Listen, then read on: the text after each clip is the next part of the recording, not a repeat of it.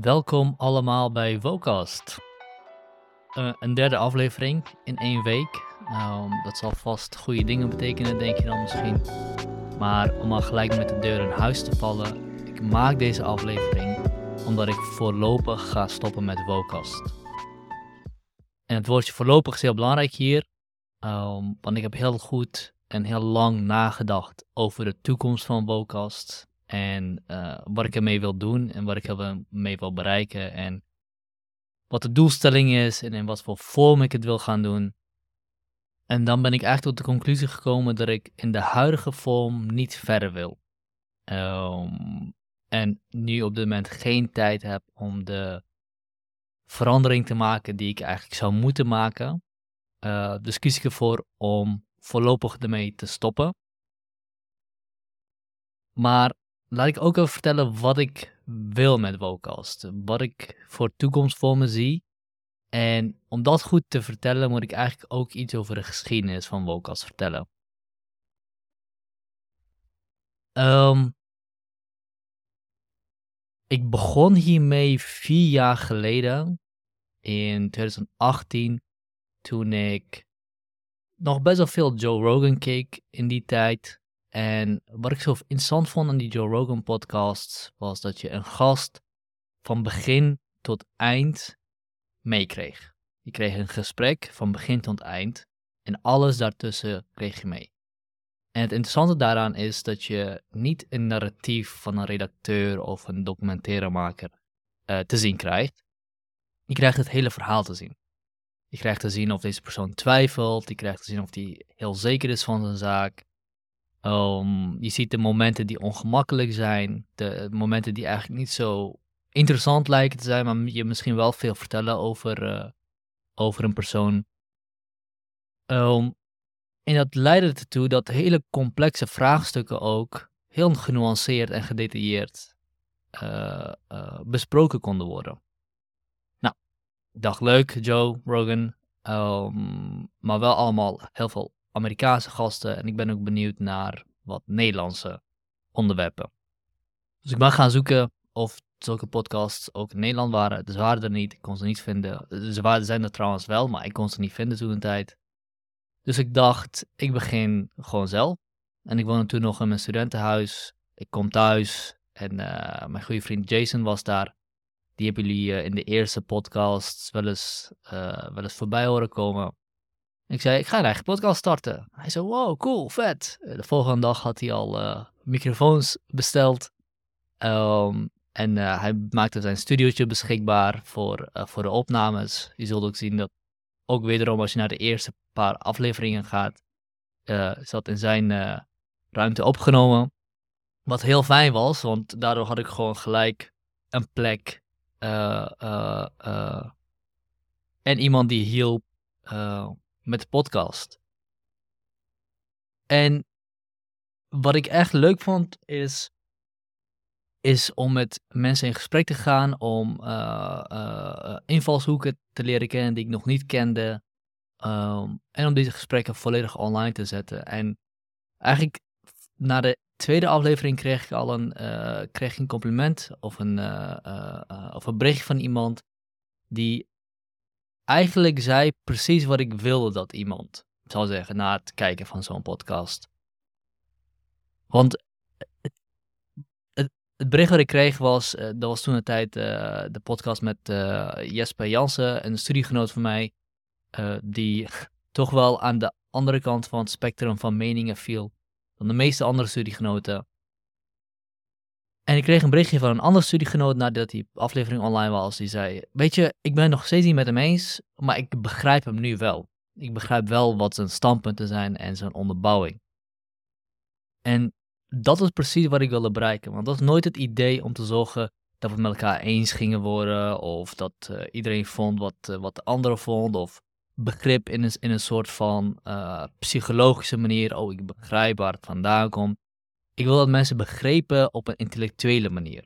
Op een manier waarop je kan zeggen: dit zijn die persoon zijn standpunten. Die zegt A, B en C op basis van X, Y, Z. Um, en ik ben het er oneens vanwege dit en dit en dit. Want oneens met elkaar zijn vereist begrip van de anders, punt, eh, anders eh, standpunt. Je, je kan het alleen maar oneens zijn met iemand, echt oneens zijn met iemand, als je echt begrijpt wat die persoon probeert te zeggen. En dit was iets wat ik heel erg miste in talkshows, uh, op tv. genuanceerde gesprekken tussen twee mensen die het met elkaar eens zijn of oneens zijn. Ehm, en die iets proberen uit te zoeken met elkaar. We krijgen namelijk qua beeldmateriaal of uh, qua talkshow zien we eigenlijk alleen maar mensen die tegen elkaar, die, die voor deel tegen elkaar zijn. Die het met elkaar oneens zijn. Die niet echt de moeite nemen om te zeggen, ik hoor wat je zegt, je zegt dit en dit en dit, begrijp ik je goed. Maar ik ben het met je oneens vanwege zus en zus en zo. Het heeft te maken met de format, het heeft ook te maken met, uh, uh, met het medium. TV leent zich niet zo heel erg goed voor die, uh, voor die genuanceerde, soms ook gewoon saaie gesprekken, die misschien maar een klein deel van de mensen aantrekken. Een deel van de mensen die echt geïnvesteerd is in een specifiek onderwerp. Wat dat betreft maakt wat dat betreft zijn podcast ook wel een speciaal medium in die zin dat um, er is minder nodig om luisteraars geëngageerd, te houden bij een podcast dan dat er nodig is om kijkers geëngageerd te houden bij een, TV, bij een tv-show. Um, het is ook heel goed, veel goedkoper om een podcast te maken. Twee microfoons uh, neerzetten in een ruimte die niet galmt en je hebt een podcast.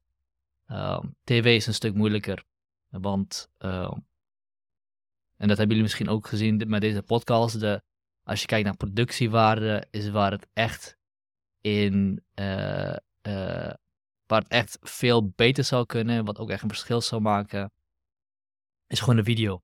Videokwaliteit is gewoon heel erg laag. En aangezien ik heel graag een videopodcast wilde maken, omdat het visuele element heel relevant is voor zulke gesprekken. Ook omdat YouTube gewoon veel, uh, veel meer views oplevert uiteindelijk. Um, wilde ik graag een videopodcast. En dat, dat maakt het gewoon misschien drie, vier keer zo moeilijk om e-, één, een goede, uh, goed, goed beeld neer te zetten. En het, het is ook gewoon minder engaging. Uh, een video van twee personen die gewoon zitten te praten. Zeker als de, als de kwaliteit niet super hoog is. Dat zie je ook. De, de views op YouTube zijn super hoog. Of super hoog, zijn veel hoger dan bij, uh, bij de podcast, podcast apps. Maar de kijktijd is wel veel hoger. Bij, bij, de, bij Spotify bijvoorbeeld. Um, ja, dus, dus dat een beetje over, over waarom ik podcasts ben gaan maken, waar, ik mee wilde bereiken en, en, en, en waarom podcasts zo anders zijn dan tv. Ook iets interessants aan podcast is, omdat je dus minder nodig hebt om luisteraars geëngageerd te houden, kun je dus gewoon gesprekken gaan broadcasten. En waarom is een gesprek zo interessant of, of belangrijk? Met gesprekken, uh, met gesprekken synchroniseren we met elkaar. Misschien een raar woord om te gebruiken, maar uh, met gesprekken kijken, voelen we aan hoe het met elkaar is. We, uh, we op emotioneel niveau, maar ook op intellectueel niveau leren we waar iemand staat. Het zijn met gesprekken dat we eigenlijk van elkaar leren waar iemand staat. En het podcast geven, geven mogelijkheid om gesprekken te broadcasten of gesprekken beschikbaar te maken tussen experts bijvoorbeeld, of met iemand die die vraag stelt aan een expert, voor het bredere publiek. En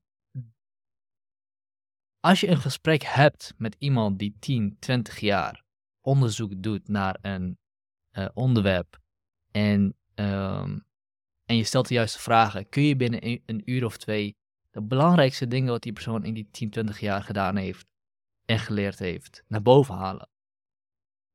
Dus net als, net als dat een boek dat kan, kun je dat met een gesprek ook. En dan is het verschil tussen een boek en een podcast ook weer. Een boek is een systematische uiteenzetten van wat die persoon vindt. Uh, vaak misschien nog gedetailleerder.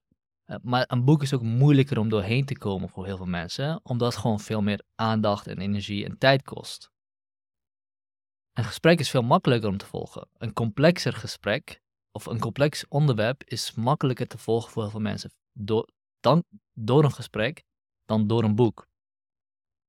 Dus dat maakt het ook, dus, dus podcasts maken op die manier doordat ze conversaties, uh, laten we zeggen, democratiseren. Ik hou niet zo van dat woord, maar het, past hier wel.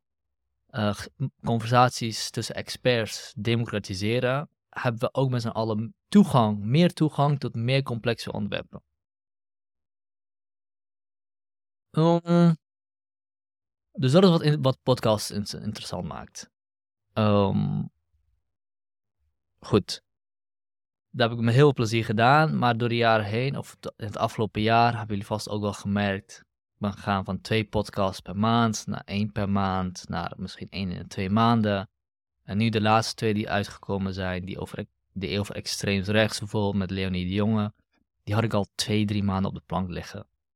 Ik had er gewoon geen tijd voor om het uit te brengen. Um, dus de hoeveelheid tijd die ik heb om, om hier aan, uh, hier goede, een goede podcast van te maken, is gewoon te weinig.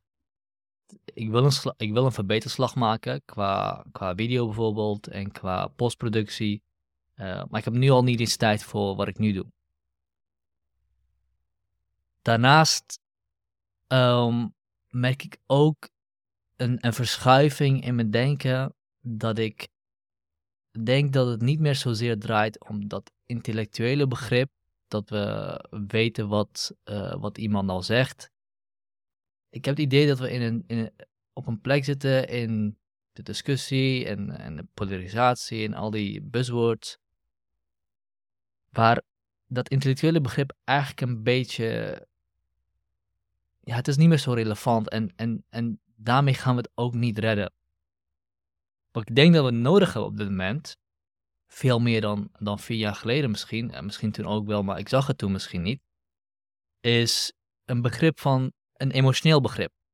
En niet een emotioneel begrip in de zin van dat we in een krant lezen, oh, uh, um, um, mensen stemmen op deze partij omdat ze het slecht hebben. Mensen raken in de criminaliteit omdat ze.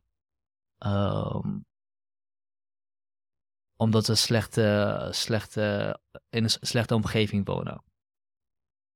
Dat bedoel ik niet. Dat is dus een intellectueel, psychologisch begrip.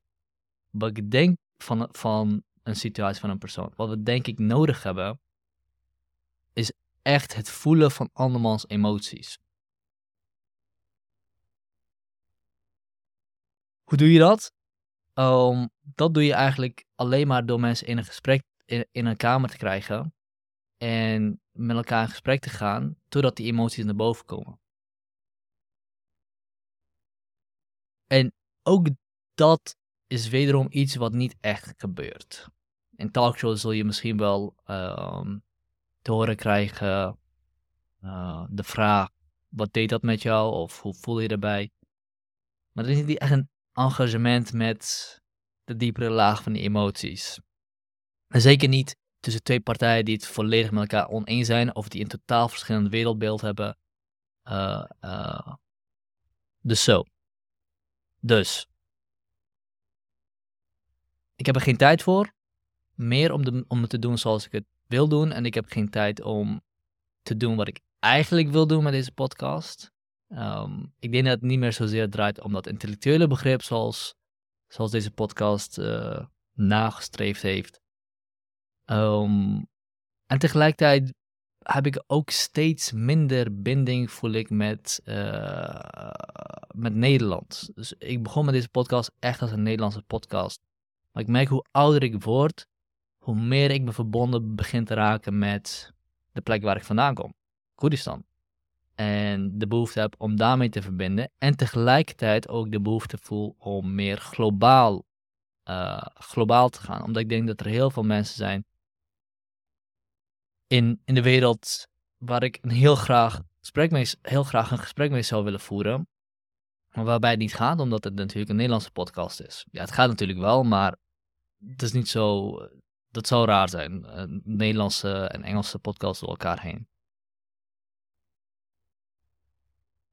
Dus wat wil ik doen?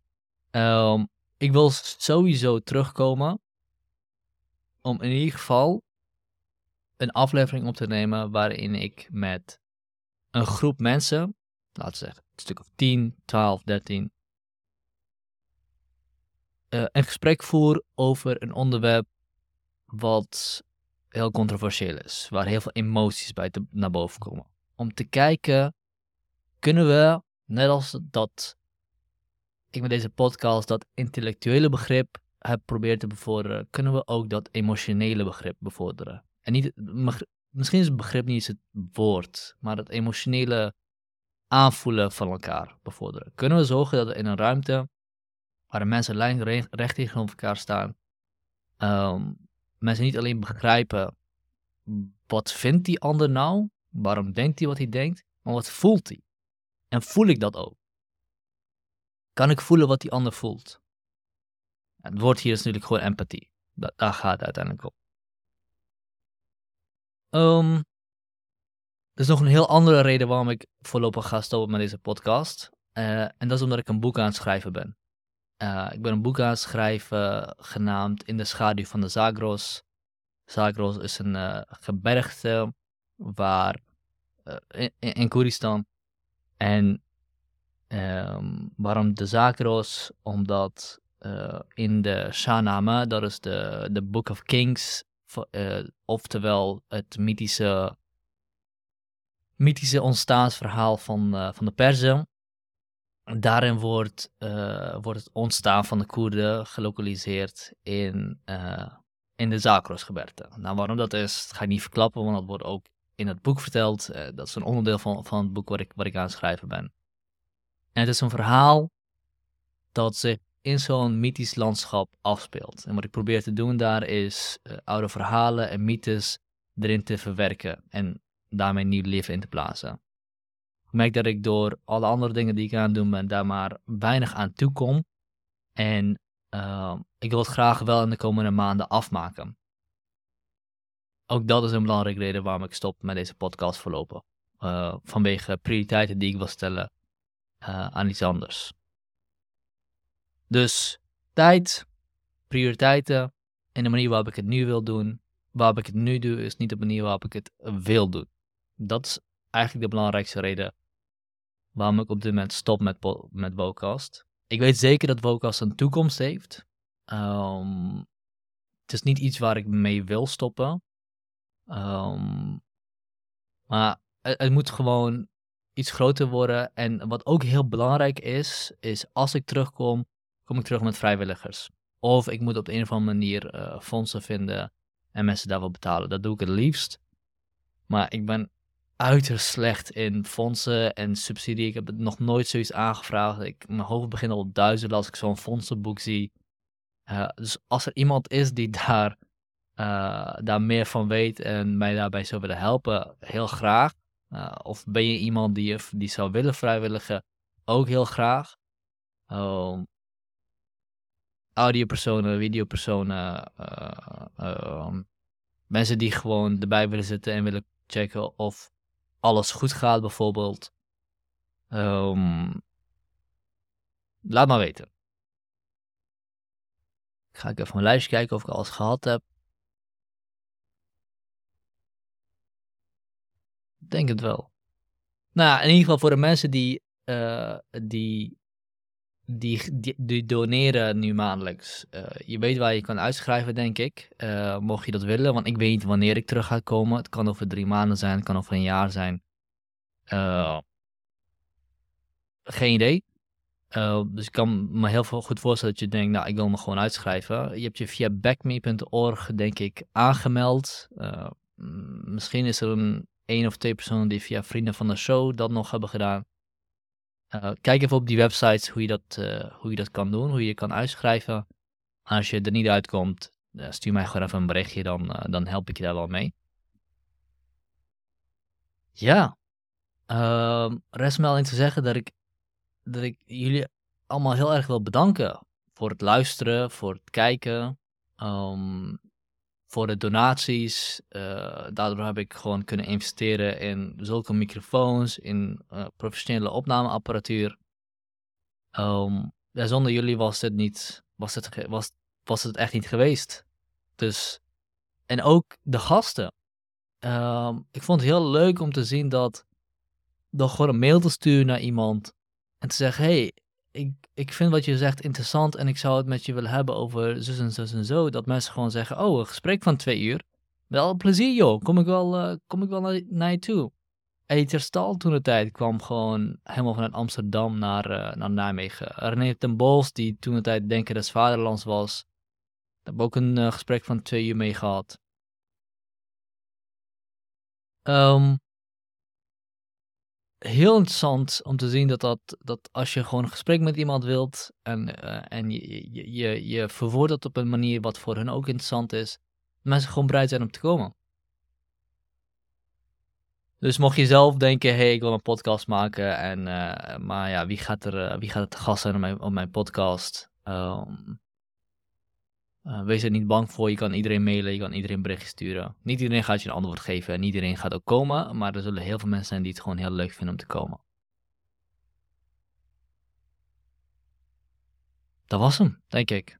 Dank jullie allemaal voor het uh, luisteren en voor het kijken. En tot ooit weer. Er is nog iets heel belangrijks wat ik vergeten ben te benoemen. En dat is namelijk dat ik niet helemaal ga stoppen met podcasten. Want in de afgelopen jaar of twee ben ik ook begonnen met twee nieuwe podcasts die ik voor klanten maak. En die gaan gewoon door. daar kun je mij ook gewoon blijven horen. En één daarvan is voor de Wetenschappelijke Raad voor het Regeringsbeleid, de WRR. Zij, ja, zij, voeren, uh, zij schrijven rapporten op basis van wetenschappelijk onderzoek. Die gaan over het uh, regeringsbeleid of voor het regeringsbeleid of iets dergelijks. Het zijn heel interessante rapporten. En hun podcast genaamd Vogelvlucht, die, uh, die host en produceer ik tegenwoordig. Daar zijn twee afleveringen. Nee, eentje is er vanuit, de tweede komt eraan. En zeker nog twee andere zullen van mijn hand komen. Het is een heel andere soort podcast. Het is echt een soort van documentaire stijl. Werk ik ook met, uh, werk ik ook met mensen samen. En de andere is in het Engels en die heet Business in the Age of Empathy. Dat is een heel leuke podcast om te doen. Daar spreek ik met uh, marketingdirecteuren of uh, start-up founders uh, of bijvoorbeeld van grote merken van Fairtrade zoals, zoals van Fairtrade bijvoorbeeld. En daar praten we over empathie, over duurzaamheid, over het belang van eerlijke handelsbetrekkingen gerelateerd aan business, consumentenwereld en dergelijke. Twee heel leuke podcasts om te doen. Heel anders dan wat ik uh, gewend ben van Bocast. Uh, maar mocht je me blijven, willen blijven volgen en uh, horen wat ik nog, nog meer maak in de tijd dat Vocast niet actief is, kun je me, kun je me daar volgen.